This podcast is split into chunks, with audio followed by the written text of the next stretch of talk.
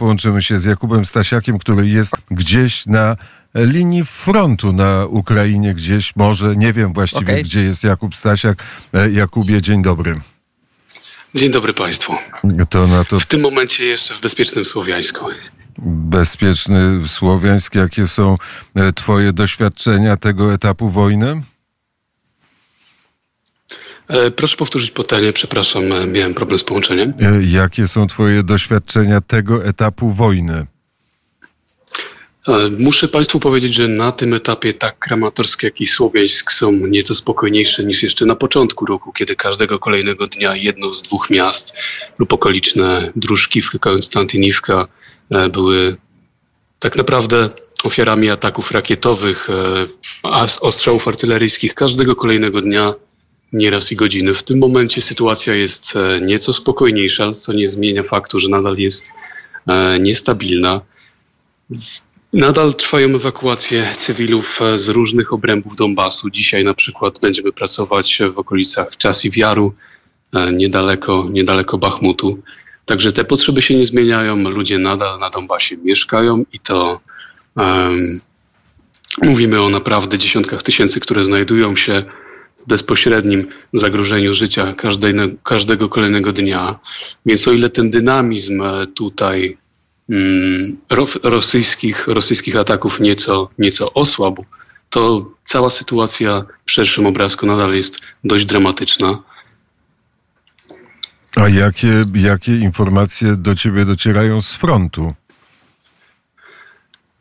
Nieciekawe z okolicy Lymania na przykład. Żołnierze tłumaczą, że z trudem odpierają kolejne ataki, ale już jeżeli spojrzymy chociażby na ten kierunek bachmucki, o którym wspomniałem, na przykład Czasiwiar, czyli miasto znajdujące się tak naprawdę paręnaście minut od Bachmutu. Mm, te ataki rosyjskiej artylerii między innymi osłabły głównie dlatego, że Ukraińcy tak od północy Bachmutu, jak i od południa napierają, starają się wziąć Rosjan w kleszcze, więc są mi pozytywy.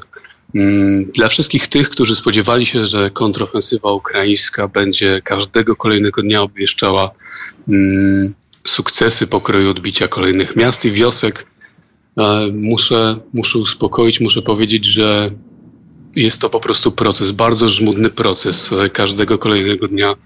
E, chociażby na tym wspomnianym słynnym odcinku bachmuckim mówimy o setkach metrów i są to informacje pozytywne.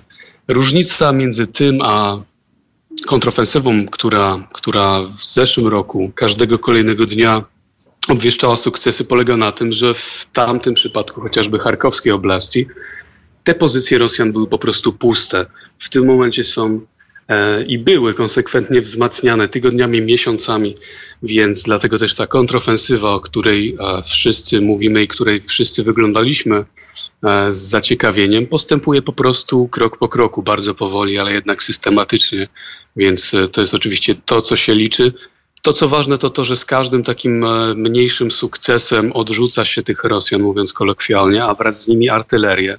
A im dalej artyleria ma do tych miast, tym rzadziej trafia, tym, tym rzadziej strzela, mówiąc już jak najbardziej, naj, najbardziej potocznie, więc są też powody do zadowolenia. Choć jak wspomniałem, nadal miejscowości znajdujące się na, na froncie, wioski mm, pobliskie frontowi po prostu są pełne ludzi, do których trzeba docierać, których trzeba przekonywać i z którymi po prostu trzeba być.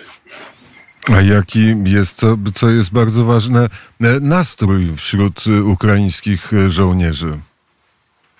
Jeżeli udałby się pan na przechadzkę po Słowiańsku czy Krematorsku, te nastroje są całkiem pozytywne. Mamy okres letni, który e, też sprzyja innym aktywnościom niż, niż, e, niż jeszcze z początku roku, więc e, powiedziałbym, że atmosfera jest zdecydowanie mniej gęsta niż, niż jeszcze w zimowych miesiącach, kiedy wszyscy drżeliśmy chociażby los Bachmutu. Mm, I tak samo jak i, jak i cywile, wszyscy wyglądają tutaj kontrofensywy. Żołnierze też nie wiedzą wszystkiego na wszystkich odcinkach, skupiają się tak naprawdę na swoim urywku rzeczywistości.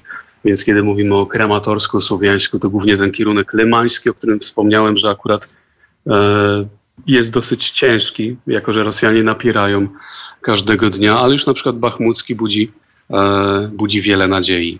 Więc w dużej mierze jest to tak naprawdę uzależnione od tego, gdzie dany żołnierz stacjonuje i jakie jego brygada odnosi sukcesy lub też porażki.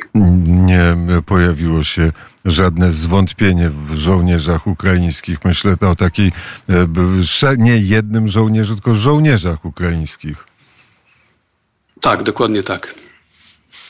Dzisiaj e, ciężki, kolejny ciężki dzień przed Jakubem Stasiakiem. Bardzo dziękuję za rozmowę. Dziękuję również i do usłyszenia.